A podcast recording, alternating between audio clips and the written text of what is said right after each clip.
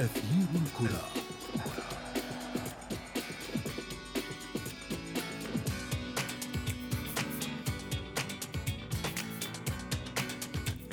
بعض الدوريات الأوروبية تبدو فيها المنافسة محسومة بين ناديين أو ثلاثة وفي البعض الآخر تستمر الندية حتى آخر نفس من المسابقة.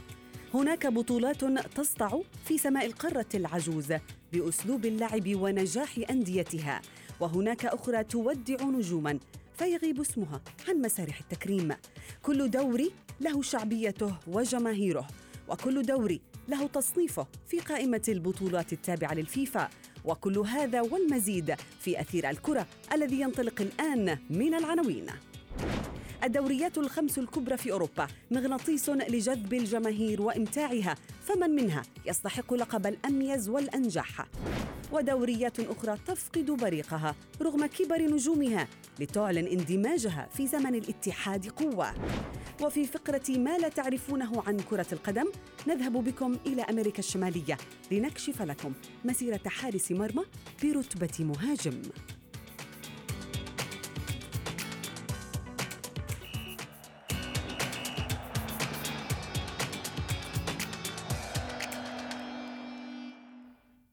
أهلا ومرحبا بكم مستمعينا الأعزاء في برنامجكم الرياضي أثير الكرة. حلقتنا لليوم نفتح فيها ملف تصنيف الاتحاد الدولي لكرة القدم الفيفا لكبرى الدوريات في القارة الأوروبية والجدل الجماهيري الذي يرافقها في كل إصدار لها.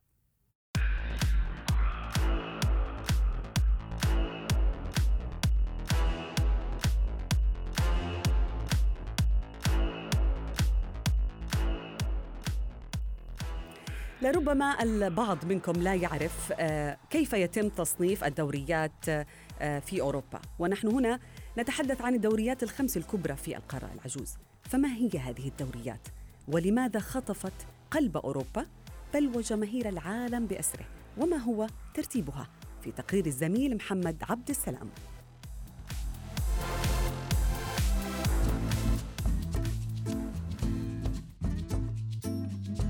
الدوريات الخمس الكبرى في أوروبا. دوريات المتعة والتشويق لمتيمي كرة القدم. منافساتها تحبس أنفاس جماهيرها عند كل صافرة حكم. وألقابها هي الأغلى بنظر الكثيرين. تأخذ قائمة بطولات الدوري في القارة العجوز حيزا كبيرا من اهتمامات الاتحاد الدولي لكرة القدم. على رأسها الدوري الإسباني والدوري الإنجليزي.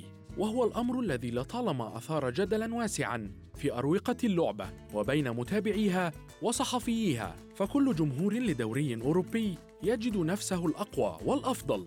فمن يشجع برشلونة أو ريال مدريد يجد نفسه يتابع الدوري الأمتع في العالم بينما يقول عشاق مانشستر يونايتد أو مانشستر سيتي أو ليفربول أو أي فريق إنجليزي آخر لا يتقبل حقيقة أن ال Premier League في المركز الثاني. ضمن قائمة أفضل خمس بطولات لكن الأمر يكمن في أن الاتحاد الأوروبي لكرة القدم مثله مثل الفيفا له تصنيف للدوريات ينشر كل خمس سنوات ويعتمد هذا التصنيف على نظام النقاط التي يجمعها كل دوري عبر أداء أنديته المشاركة في بطولتي دوري أبطال أوروبا والدوري الأوروبي والمراكز التي وصلت لها هذه الأندية في كلتا البطولتين. هذا التصنيف يحدد عدد المقاعد المخصصة للأندية من كل دوري حيث إن الأربعة دوريات الأولى في التصنيف يكون لها سبعة مقاعد في البطولات الأوروبية.